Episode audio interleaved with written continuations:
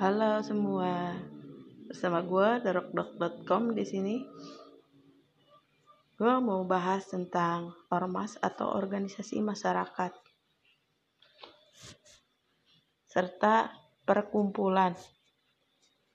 Sekilas akan terlihat sama tetapi memiliki perbedaan karena keduanya merupakan lembaga yang mewadahi orang-orang yang mempunyai tujuan yang sama, tetapi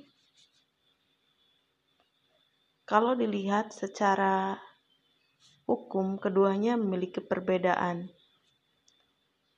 Perbedaan di antara keduanya adalah Ormas diatur dalam Undang-Undang Nomor 17 Tahun 2013 tentang Organisasi Kemasyarakatan dan Perubahannya. Ormas adalah organisasi yang didirikan dan dibentuk masyarakat secara sukarela berdasar, berdasarkan aspirasi, kesamaan kehendak, kebutuhan, kepentingan, serta kegiatan yang tujuannya untuk berpartisipasi dalam pembangunan demi tercapainya tujuan Indonesia yang berdasarkan Pancasila dan Undang-Undang Dasar 1945 dan perkumpulan berdasarkan Peraturan Menteri Hukum dan Hak Asasi Manusia Nomor 3 Tahun 2016 tentang tata cara pengajuan permohonan pengesahan Badan Hukum dan Persetujuan perubahan anggaran dasar perkumpulan dan perubahannya adalah badan yang merupakan kumpulan orang yang didirikan untuk mewujudkan kesamaan maksud dan tujuan di bidang sosial, keagamaan, dan kemanusiaan, serta tidak membagikan keuntungan kepada anggota-anggotanya. Adapun status badan hukum, baik ormas maupun perkumpulan, dapat berbadan hukum ataupun tidak berbadan hukum, ormas atau organisasi masyarakat dan perkumpulan yang berbadan hukum harus mengajukan pengesahan status badan hukum ke Menteri Hukum dan HAM. Menariknya, ormas yang berbadan hukum dapat kita dirikan dengan bentuk perkumpulan atau yayasan. Dan untuk ormas yang berbasis anggota, pilihan sedangkan ormas yang tidak berbasis anggota, pilihannya adalah berbadan hukum yayasan.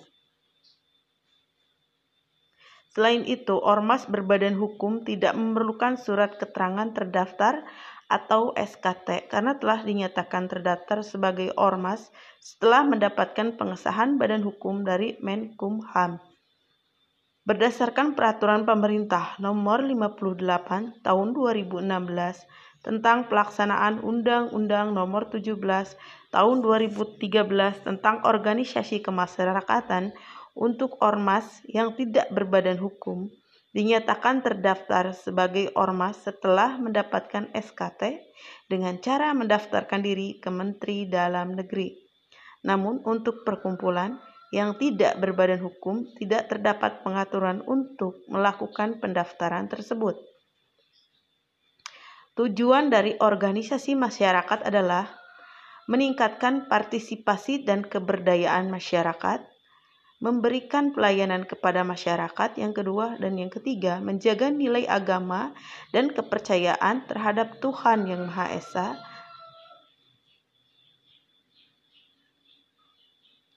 Serta yang keempat, melestarikan dan memelihara norma, nilai, moral, etika, dan budaya yang hidup dalam masyarakat. Yang kelima, melestarikan sumber daya alam dan lingkungan hidup. Yang keenam, mengembangkan kesetiakawanan sosial, gotong royong, dan toleransi dalam kehidupan bermasyarakat. Yang ketujuh, menjaga, memelihara, dan memperkuat persatuan dan kesatuan bangsa. Dan atau yang kedelapan, mewujudkan tujuan negara yang tercantum dalam pembukaan Undang-Undang Dasar 1945.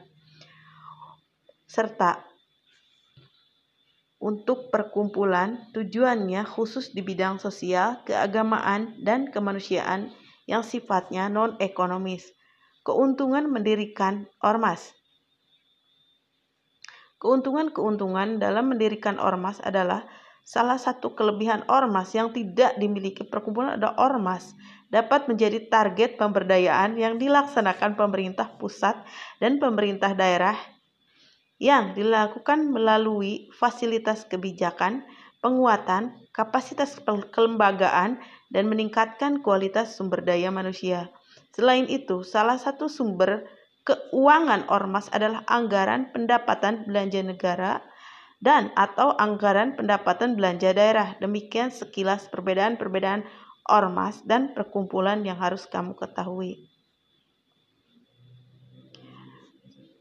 Satu hal yang mau gue curhatin adalah kadang-kadang di masyarakat ada banyak kemelencengan dari yang namanya ormas karena menurut gue gitu ya sebagai seseorang yang bukan dalam ormas gitu. Kadang-kadang masih terdapat berbagai tindak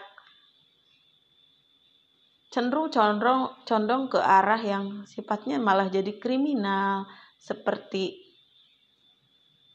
pungutan liar, mohon maaf, seperti perebutan wilayah premanisme dalam hal misalnya orang. Kalau sudah terlihat anggota dari sebuah ormas satu atau dua anggota ormas gitu memperebutkan wilayah seperti daerah premanisme. Contoh kecil saja area parkir. Terkadang itu seperti diakuisisi oleh ormas. Ini sekedar curhatan kecil aja jadi rasa-rasanya ada ada baiknya ketika perekrutan sebu, se, seorang anggota ormas itu dilihat latar belakangnya seperti itu daripada terjadi hal-hal yang ujung-ujungnya itu tidak jadi contoh tidak baik gitu di masyarakat hanya curhatan ibu-ibu belaka saja Sekian dan terima kasih.